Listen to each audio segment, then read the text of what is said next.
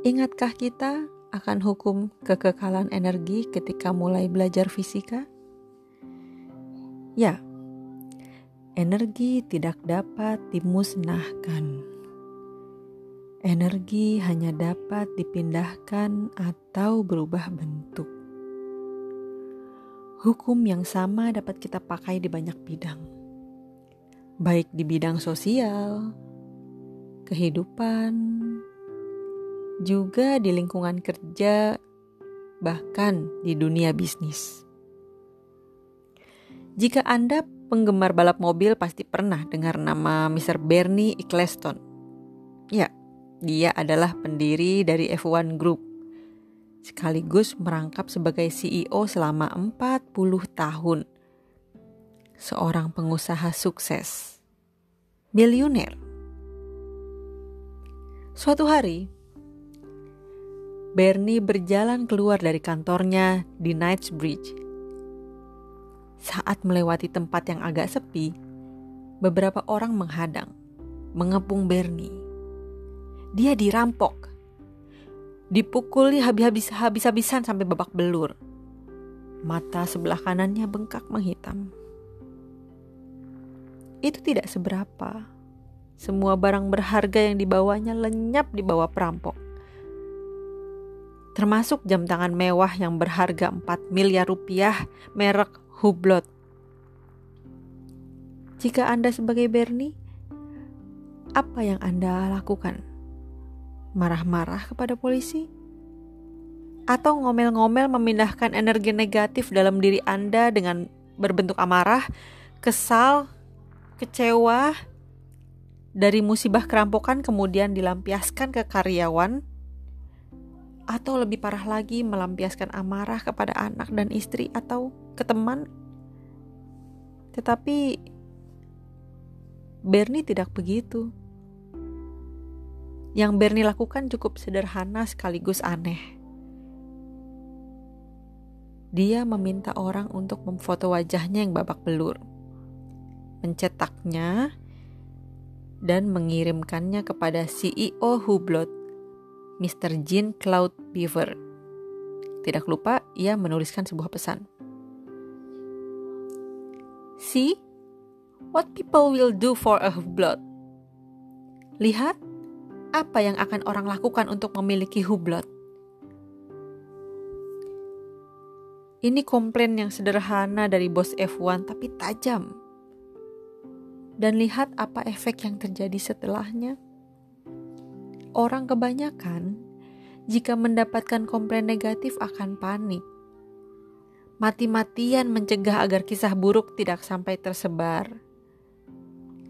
Tapi CEO Hublot berbeda cara menyikapi dan menanggapinya. Ia malah meminta izin kepada Bernie untuk membuat iklan dengan memasang fotonya yang babak belur. Sekaligus meminta agar Hublot menjadi jam resmi dari Formula One. Apa yang terjadi kemudian? Setelah iklan itu diluncurkan, hasil penjualan jam tangan Hublot meroket keren dan luar biasa. Bernie dirampok, malah dapat duit banyak dari jadi model iklannya Hublot dan share penjualan jam. Sementara CEO Hublot yang sebelumnya mendapat komplain dari bos F1 malah berhasil mengubahnya menjadi iklan yang membawa untung besar. Inilah seni mengubah energi negatif jadi positif. Kuncinya adalah pada respon Anda. Catat baik-baik. Respon positif akan mengubah energi negatif menjadi positif. Sedangkan energi negatif yang direspon, dipelihara, dan dikeluarkan dengan cara yang negatif juga akan menghasilkan negatif kuadrat dari hasil yang sudah jelas menghancurkan dan masalah pun menjadi berlarut-larut. Orang sukses mencari solusi, selalu mencatat hikmah, pelajaran positif dari setiap kejadian. Tidaklah masalah beberapa kali kita gagal. Tidak penting beberapa kali kita hampir berhasil. Kecewa karena gagal itu jauh lebih baik daripada menyesal tanpa melakukan sesuatu. Yang perlu kita lakukan hanyalah belajar dari kegagalan itu dan dari orang-orang di sekitar kita, dan yakin kalau kita pun bisa bangkit. Jangan takut dengan kegagalan, karena jalan menuju kesuksesan adalah dengan selalu mencoba, terus mencoba. Dan ketika kita mencapainya, semua yang tidak tahu kisahmu hanya bisa berkata betapa beruntungnya Anda. Kesuksesan adalah milik mereka yang secara sadar tahu apa yang menjadi keinginannya, sekaligus siap menghadapi rintangan apa pun yang menghadang, serta mau memperjuangkannya habis-habisan melalui cara yang benar. Saudaraku tercinta, dalam berumah tangga, bertetangga, atau bekerja, kadang menemukan seseorang yang sejatinya dikirim Allah untuk mengujimu. Jika Allah mencintai hambanya, maka Allah akan mengujinya. Jika ia sabar, maka Allah akan memilihnya. Jika ia ridho, maka Allah akan mensucikannya. Jika ia merasakan beratnya kaki menapak dan letihnya berjuang, maka bersabarlah.